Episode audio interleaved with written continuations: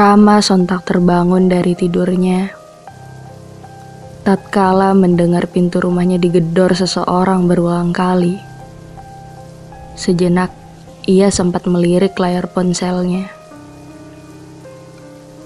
Tepat pukul 12 malam, dan ada timbunan notifikasi panggilan tak terjawab dari Maya, kekasihnya. Rama kemudian buru-buru menuju ruang tamu untuk mencari tahu siapa tamu yang datang di jam segini dengan kondisi hujan lebat dan petir yang menjadi-jadi.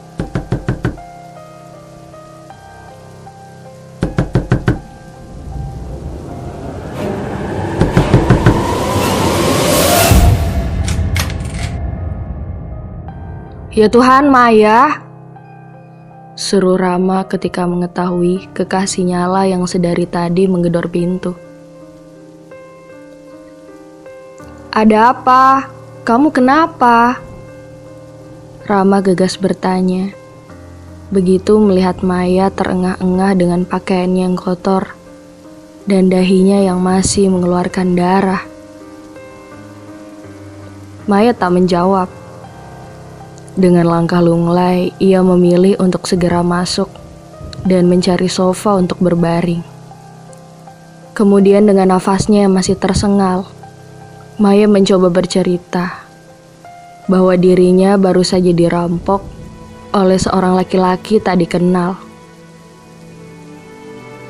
Maya kemudian menjelaskan bahwa ia berencana memberikan kejutan ulang tahun untuk Rama malam ini sebelum motornya dicegat di sebuah taman tak jauh dari rumah Rama. Jalanan di taman itu memang gelap dan sepi. Maya sengaja mengambil jalur itu agar Rama tidak mengetahui kedatangannya. Rama tak bisa berkata-kata. Ia berusaha untuk menyimak apa yang sedang dijelaskan kekasihnya itu. Maya kemudian meminta Rama untuk mengambil dulu kalung berliannya yang ia lempar ke arah sumur tua di taman itu saat dikejar-kejar si perampok. Maya yakin pria itu tak melihatnya.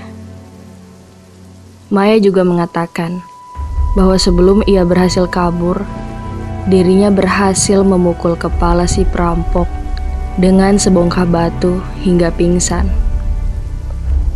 Namun Maya kesulitan mencari kalung tersebut karena darah yang mengucur deras dari dahinya akibat pukulan si perampok.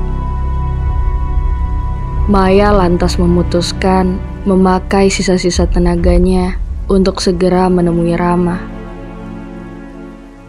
Rama kemudian menyelimuti kekasihnya, lalu dengan buru-buru dia mengambil sebuah revolver dari laci lemari di kamarnya.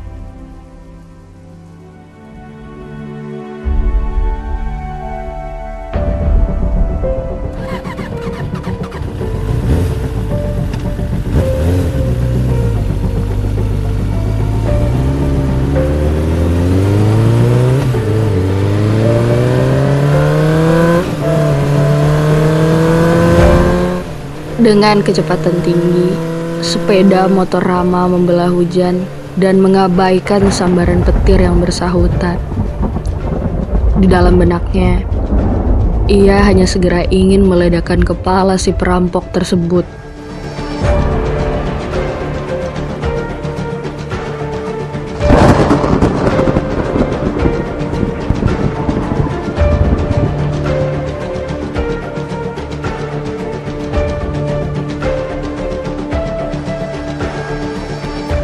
Rama seketika menghentikan laju kendaraannya. Ketika menemukan sepeda motor Maya tergeletak di pinggir jalan tak beberapa jauh setelah memasuki area taman. Terlihat ceceran darah masih melekat di rumputan yang tak berhasil dihapus hujan.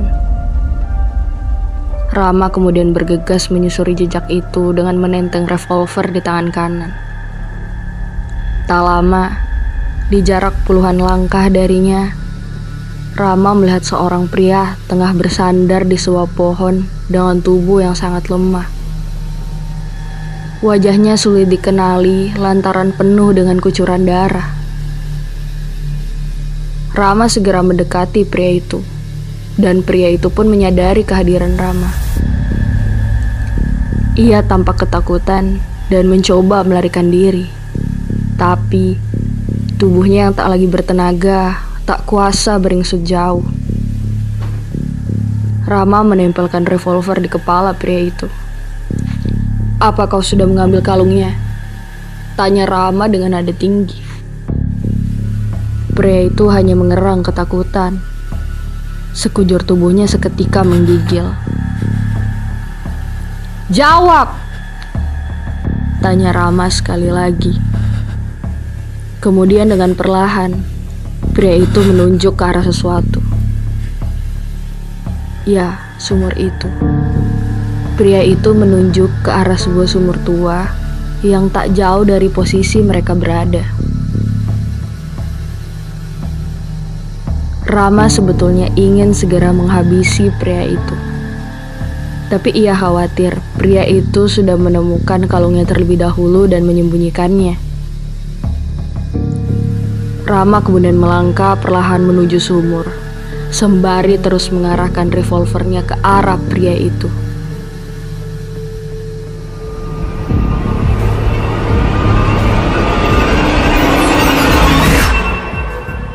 Dan benar saja, Rama melihat kalung berlian itu di dasar sumur.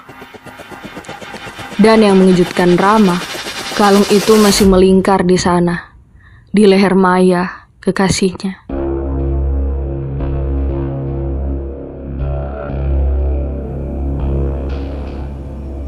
Rama tercekat.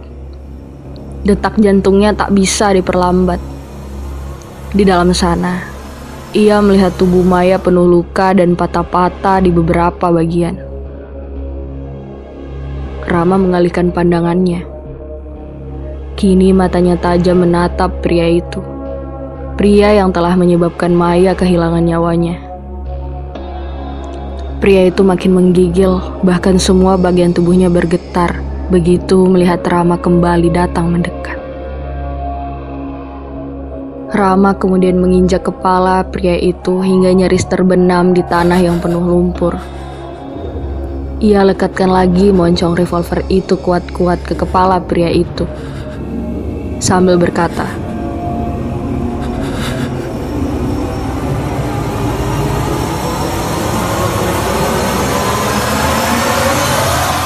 Perintahku hanya untuk mengambil kalungnya, bukan nyawanya kau takkan mendapat bagian dari penjualan kalung berlian itu.